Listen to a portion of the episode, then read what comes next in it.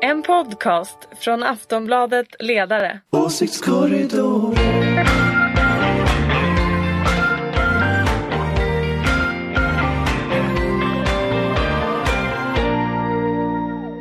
Hej och välkomna till Åsiktskorridoren, podden från Aftonbladets ledarsida där vi vänder och vrider på den svenska politiken.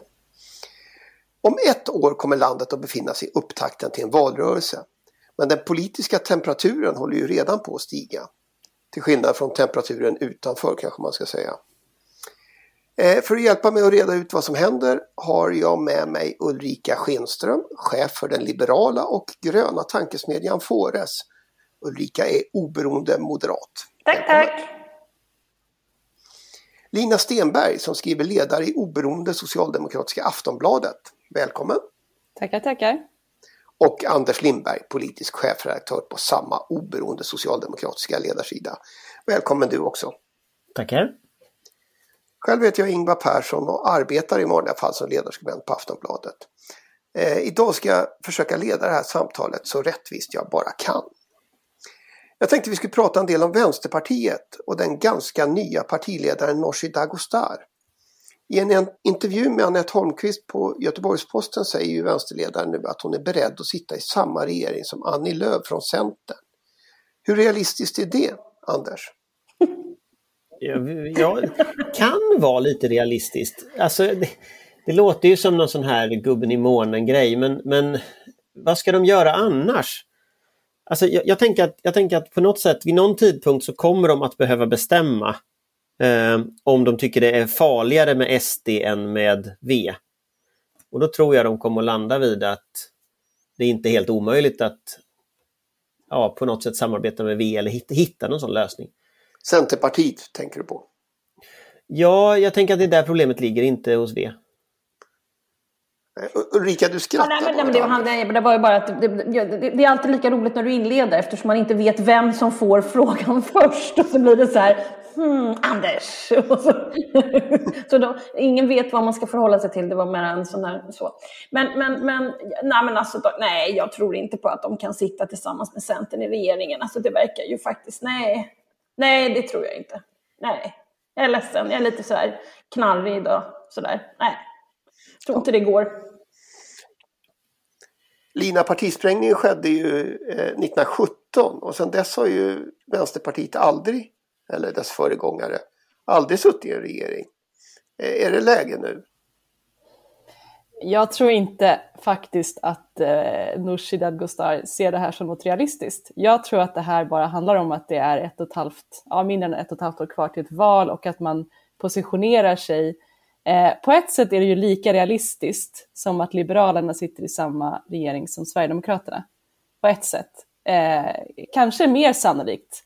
Eh, någonstans så tror jag att det, det som håller på att hända nu är i och med att hon också är en ny partiledare så kan hon ju göra sådana här saker. Och det är kanske det som förväntades av henne och jag tycker att, hon, att det är helt rätt att hon gör det, att hon helt enkelt tar ett helt nytt tag på, eh, ja, tar, tar sitt parti på stort allvar och eh, sin egen roll på stort allvar och säger att ja, helt enkelt ger en invit till Centerpartiet på samma sätt som att eh, Liberalerna plötsligt eh, hoppade på eh, SDs vagn på något sätt. Eh, och det, blir på, alltså, det som blir intressant i det blir att det blir två block. Alltså oavsett eh, vad Centerpartiet svarar på det så öppnar det här upp för en ännu mer tydlig tvåblocksuppdelning. Och inför valrörelsen så tycker jag bara att det är ganska spännande. Jag tror inte att det här är någon det här, är inget, det här är inte att skissa upp en färdig plan som liksom högern håller på med. Men, men jag, tänker att, jag tänker att det är dags att börja tänka tanken. För att någon måste ju bilda regering 2022. Och om man då antar att det blir som förra gången, att det blir ganska jämnt men att eh, det konservativa blocket inte får egen majoritet. Då kommer ju vid någon tidpunkt Stefan Löfven behöva bli omvald med några röster på något sätt.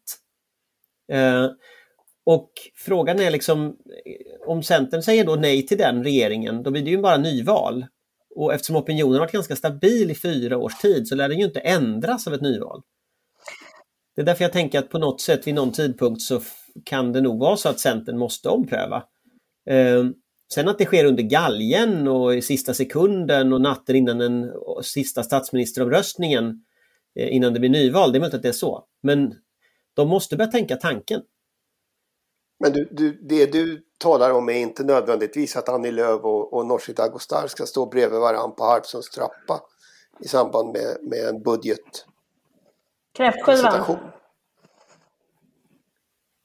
Äta kräftor ihop där? Nej, nej, alltså det, nej men jag, det jag ser framför mig det är ju en process som är lite lik förra valet. Och då betyder det ju att på valnatten så kommer Ulf Kristersson att säga att han ska regera för att hans tre partier är större än de rödgröna. Och sen så kommer det att bli en soppa där ett par statsministrar faller i statsministervoteringar. Men vid den fjärde voteringen så står det ju mellan den som står inför val eller till, till val och ett nyval. Och eftersom ingen vill ha ett nyval så kommer, tänker jag, det slutligen ändå landa i Stefan Löfven och ändå landa i att Annie Lööf och Dadgostar på något sätt får stödja samma, samma regering. Sen om de sitter i den eller inte, det, det, det Jo, men det, det var, men det var ju frågan ifall hon skulle bli statsråd. Det var ju det som var så det, Och det tror inte jag.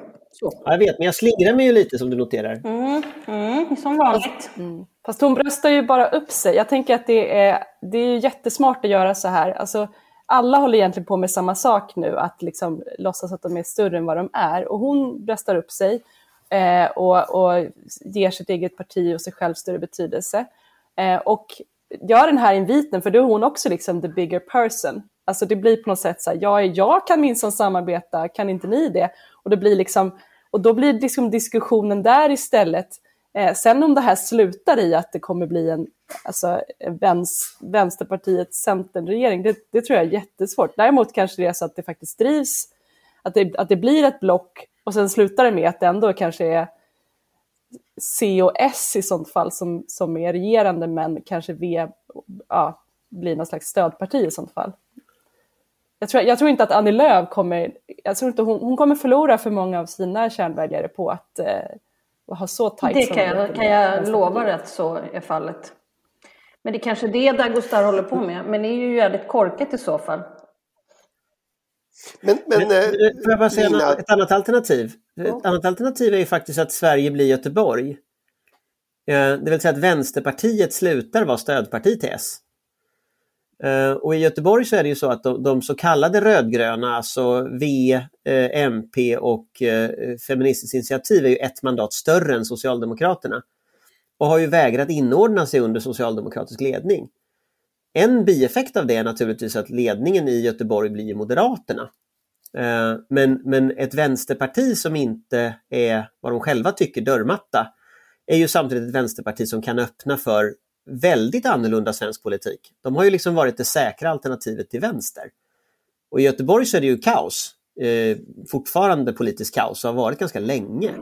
Eh, och det är svårt att lösa upp. Det finns ju ytterligare ett parti, Demokraterna, som strular till det. Men och Dagostar är ju från Göteborg. Ja. Jag tänker Göteborgsanda med sig. Här om, om eh, att, att det är ett litet parti och att man bröstar upp sig och säger att man är större än man är.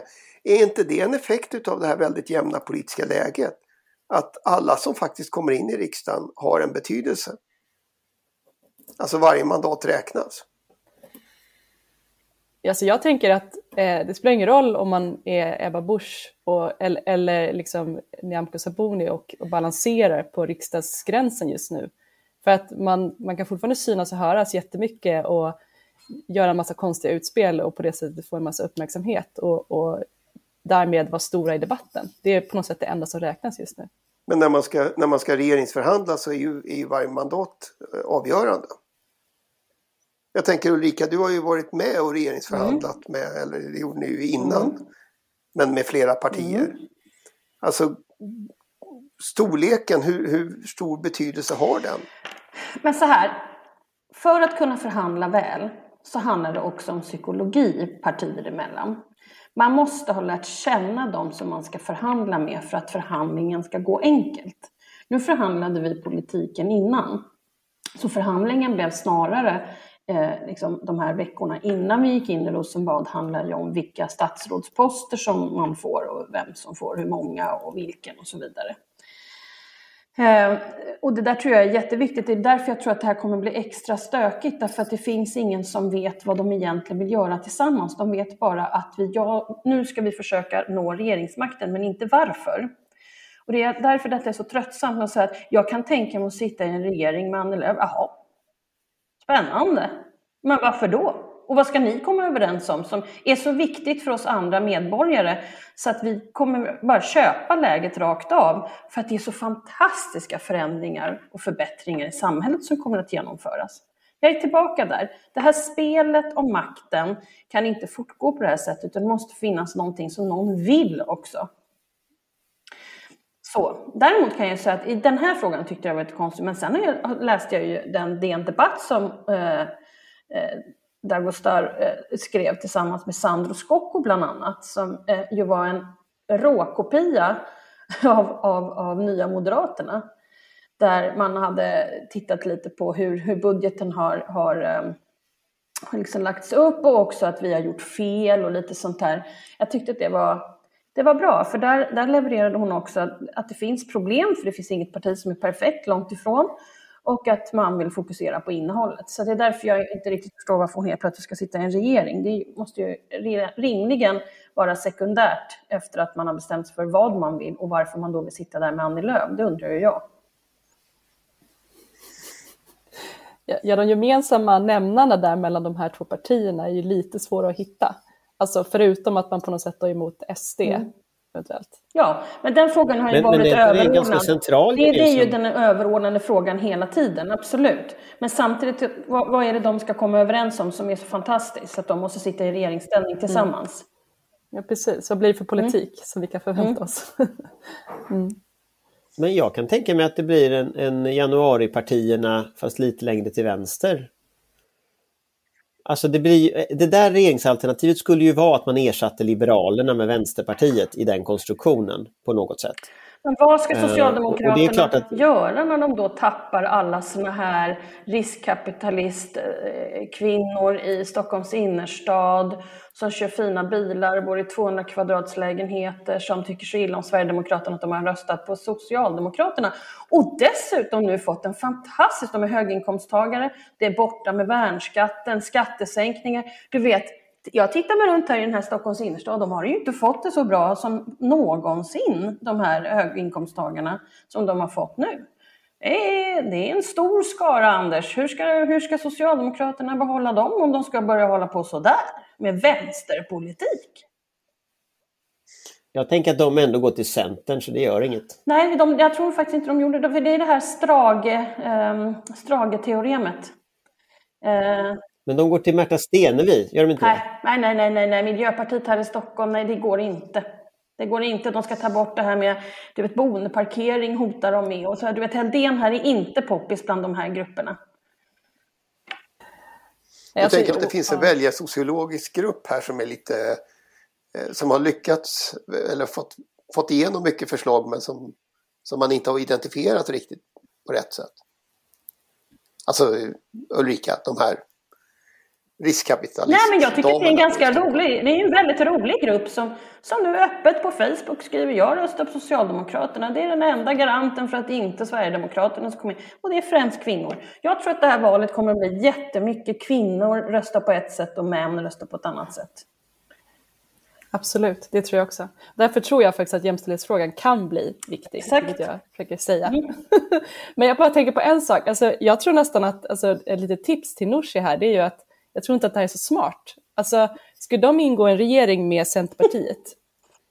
Vad ska de göra? Liksom RUT, alltså arbetsrätten, bostad, allting. Alltså de kommer förlora allting. Det kommer inte finnas någon vänsterfråga som finns kvar. Då kommer det behöva komma någon vänster till, liksom, till vänster om vänstern som, som fångar upp de här frågorna.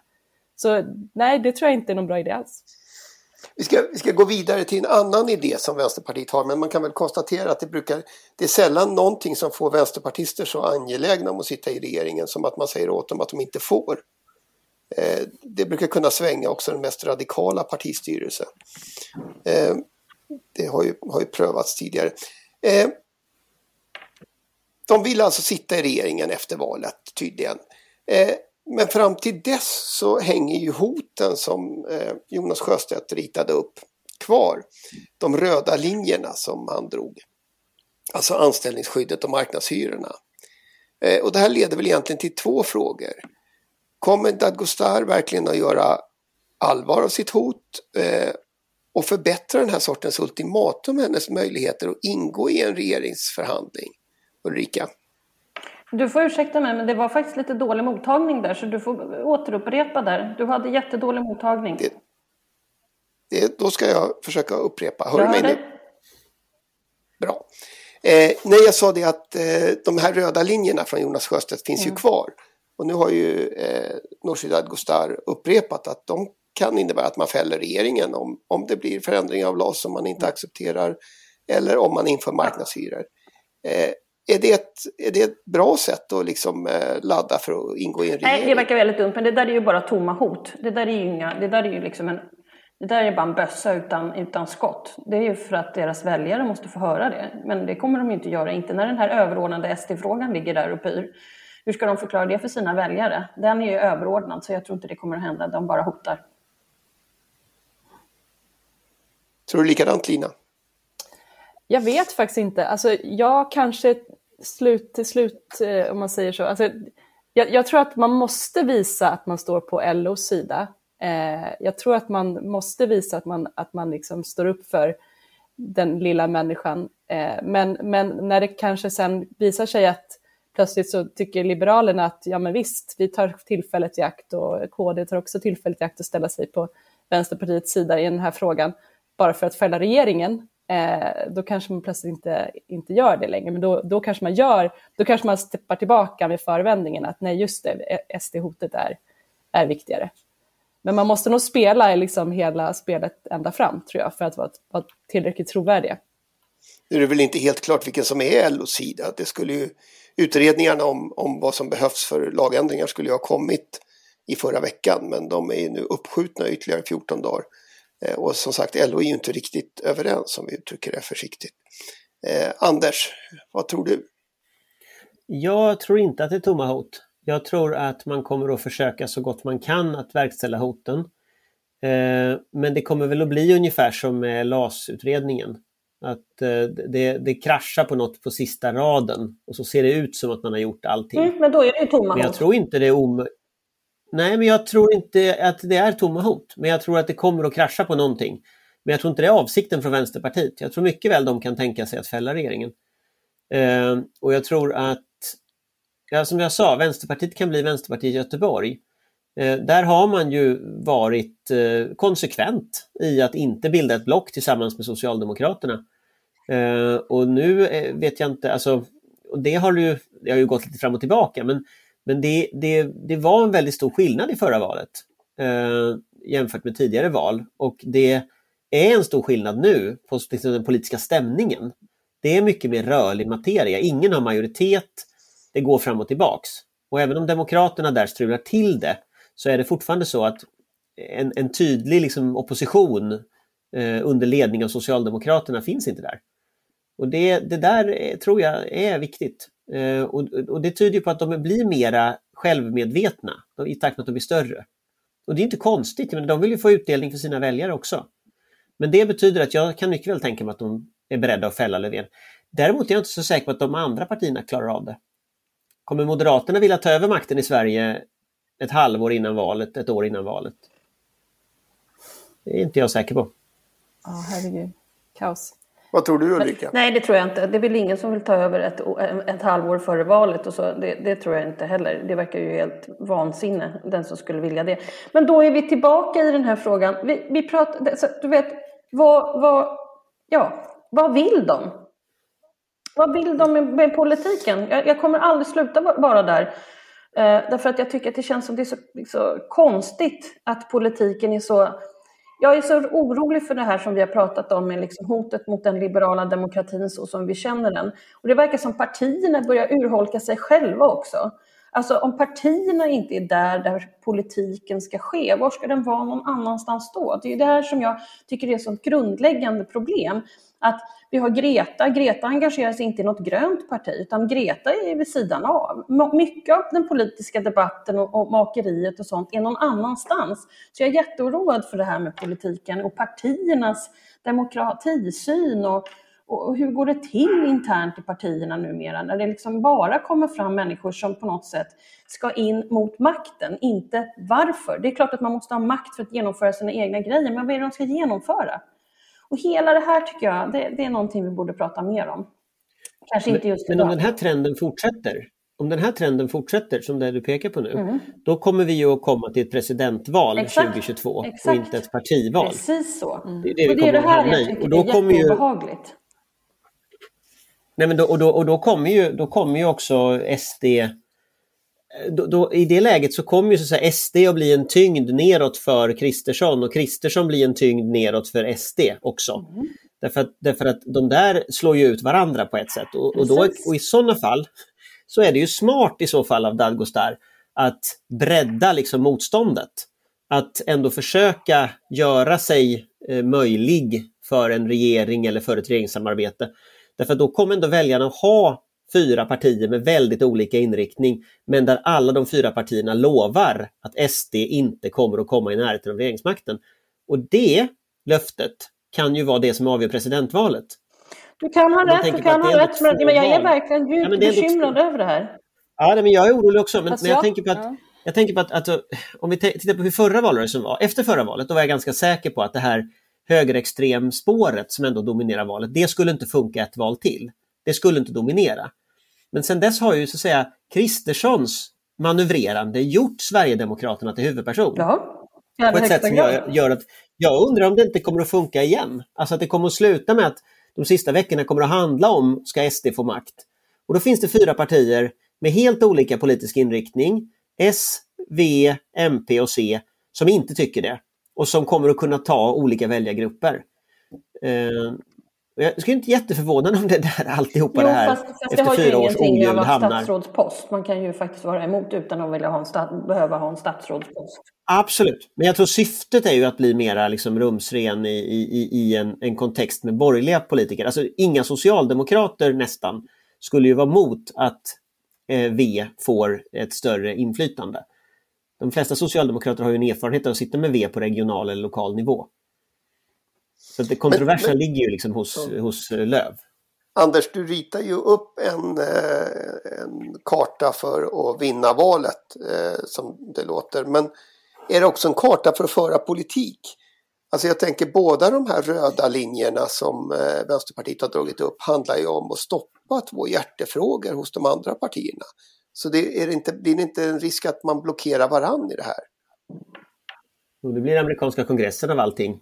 Alla blockerar någon annan Men och så är det, händer inte, är det inte det här det kan finnas strömningar som vill få det till att det blir så här? Att man professionaliserar liksom partierna på något sätt. Eh, och, och, och, det är inte liksom idealism, ideologi eller liksom ideal och värderingar som är liksom det som får människor att ansluta till partier, utan det, det, är för att oh, vi ska ha makten. Men hörni, det, här är ju, det här är ju en befogad oro, men jag tänker också att det vi inte har pratat om här, det är ju faktiskt att det finns väldigt många människor i Sverige som vill ha positiv förändring Exakt. och att de också ställer ja. krav på partierna. Ja. Och det, menar, det, är där hoppet kan finnas. För jag tänker, som du nämner eh, Ulrika med, med Greta, och Greta vill inte vara ansluten till ett parti. Men hon medvetandegör ju väldigt många svenskar just nu om den här jätteviktiga mm. frågan.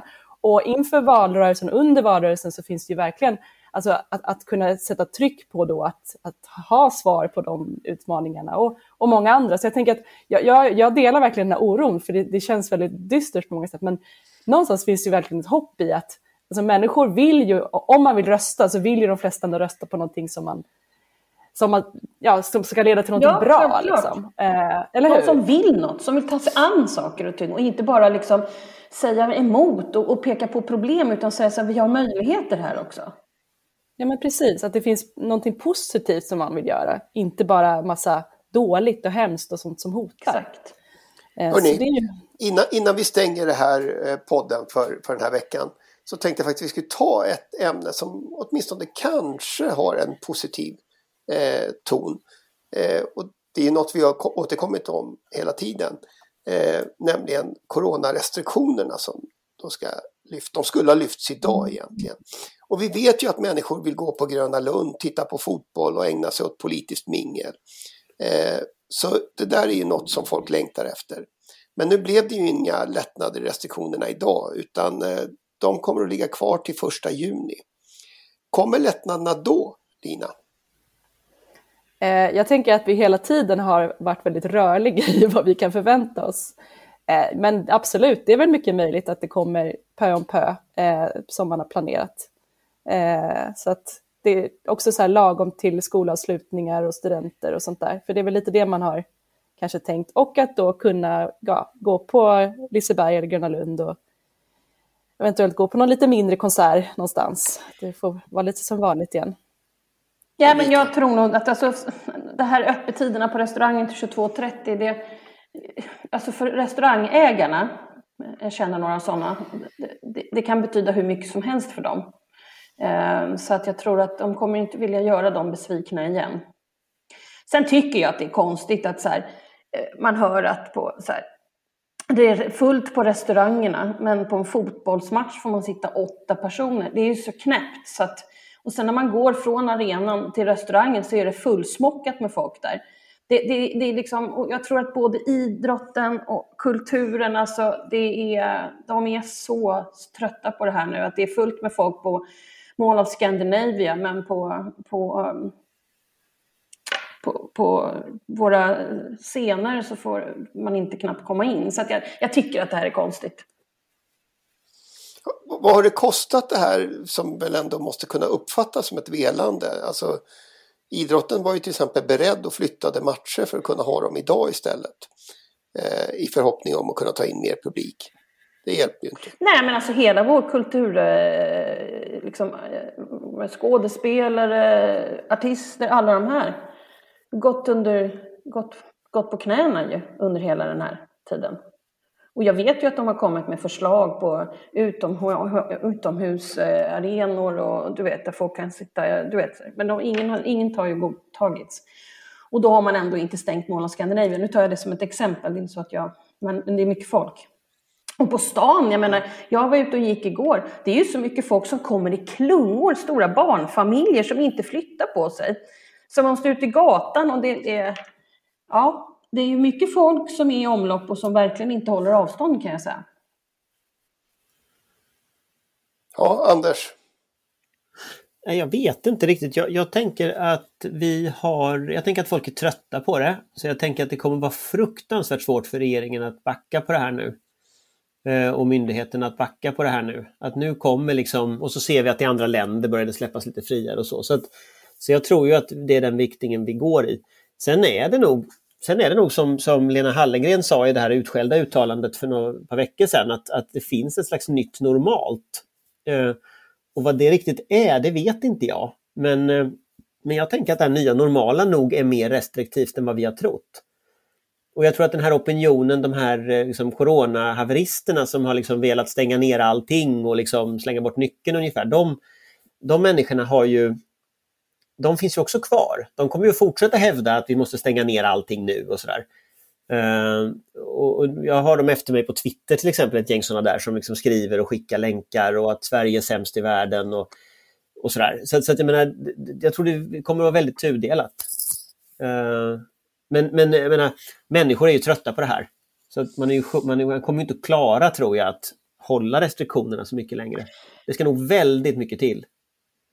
Jag som ändå bor i Stockholms innerstad. Samtidigt är intensivvården fortfarande hård. Alltså det är ingen här, alltså jag går till, till, ehm, till Fores eh, på morgnarna och det är alltså det är väldigt mycket folk i omlopp. Eh, alltså det, det, det, det, ser inte ut som det finns några restriktioner i Stockholms innerstad skulle jag säga. Nej, men jag tror folk röstar om restriktionerna med fötterna i ganska hög utsträckning. Mm. Man gör lite som man vill. Eh, och jag tror att den här liksom delen av internet som har ett jättehögt tonläge och nu dör vi, så, alla, den, den delen, eh, den har lite hamnat vid sidan om mainstream. De, de, det är en bubbla som är väldigt, väldigt hård. men som i allt väsentligt inte har en stor effekt på vad vanliga människor. Det är bara att se hur många som har munskydd när man går ut. Alltså folk har inte ens munskydd. Nej, det, det finns ingen som har munskydd och på tunnelbanan och sådär. Alltså, där kan de inte ha det heller. Jag går ju överallt så jag har inte åkt kollektivtrafik sedan i mars förra året. Men jag gick ut, jag var på stan här flera gånger här nu i helgen och alltså uteserveringarna är ju så knökfulla och det är ju inte de som har vaccinerats kan man ju säga som sitter där. Nej. Och, och då det säger folk så här, går åt skogen. Ja, men då säger folk så här, men det, det gör ingenting om de sitter utomhus, men de sitter faktiskt väldigt trångt. Jag tänker bara att Packade det sillar, jag håller med dig, överallt, bara ja. fullproppat. Mm. Ja, men slutsatsen blev i alla fall att den första juni så, så får restaurangerna vara öppet till 22.30. Men, men jag får bara säga en sak som jag tror är ganska viktig. Det är att den här idén om att det är då restriktionerna upphör, som man nästan får intryck av när man läser i media. Så är det ju inte. Jag menar, eh, arbetsplatser kommer inte öppna förrän i september för många som jobbar hemifrån, kanske ännu längre. Eh, jag tänker en sån enkel sak som att kramas när man träffar folk. Det, lär det ens komma tillbaks? Alltså, eller också alltså, kommer det bli tvärtom, men... Anders. Det kan bli tvärtom som 20-talet. Helt galet. Alla bara kramas på stan, bara helt planlöst kramas överallt. Herregud. Vilka bilder! Vilka bilder! Ja. Eh, jag, jag, jag, tänker vi kanske får sluta det här programmet. Eh, den här norska nationaldagen, för det är det ju. Eh, så vi får väl önska vårt broderfolk till lycka med dagen. Eh, själv vill jag tacka Ulrika, Lina och Anders. Eh, och jag vill naturligtvis tacka alla som har lyssnat på den här podden. Eh, men tack ska ni ha. Tack, tack. Mm, tack. Ha en trevlig vecka. Hej, hej. hej, hej. En podcast från Aftonbladet Ledare. Åsiktskorridor.